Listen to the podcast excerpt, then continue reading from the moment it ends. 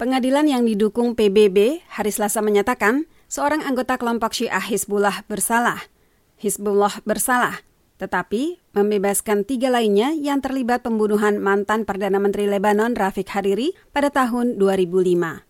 Keluarga Hariri menyatakan menerima putusan pengadilan yang telah bersidang bertahun-tahun itu. Pengadilan khusus untuk Lebanon menyatakan Salim Ayash bersalah atas lima dakwaan terkait keterlibatannya dalam serangan bom truk. Mantan Perdana Menteri Lebanon, Rafiq Hariri, tewas bersama 21 lainnya dan 226 luka-luka dalam ledakan besar itu yang terjadi di luar hotel di tepi pantai Beirut pada 14 Februari 2005. Dalam beberapa bulan sebelum kematiannya, Hakim Ketua Pengadilan David Ray mengatakan Hariri mendukung upaya pengurangan pengaruh Suriah dan Hezbollah di Lebanon. Ia menambahkan, The trial chamber is of the view that Syria and Hezbollah may have had motives to eliminate Mr. Hariri and some of his political allies. Pengadilan berpendapat Suriah dan Hizbullah mungkin memiliki motif untuk mengenyahkan Hariri dan sejumlah sekutu politiknya. Namun tidak ada bukti bahwa pimpinan Hizbullah terlibat pembunuhan Hariri dan tidak ada bukti langsung keterlibatan Suriah di dalamnya. Saat Hariri, putra Hariri yang juga mantan Perdana Menteri Lebanon menyatakan keluarga menerima putusan pengadilan – ia percaya ayahnya dibunuh karena menentang pengaruh Suriah di Lebanon. Berbicara setelah putusan itu dikeluarkan, saat Hariri mengatakan,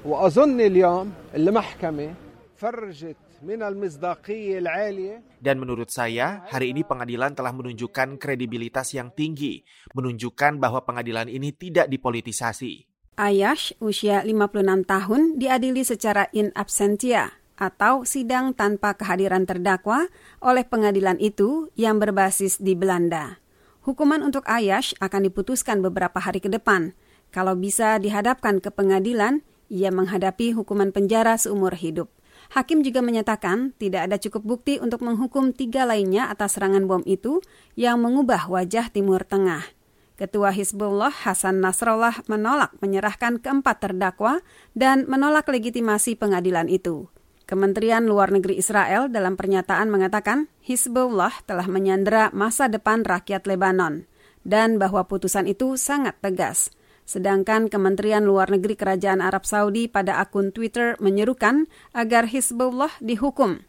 Pemerintah Arab Saudi menilai keputusan itu sebagai kebangkitan kebenaran dan awal proses mencapai keadilan dengan mengejar, menangkap, dan menghukum mereka yang terlibat.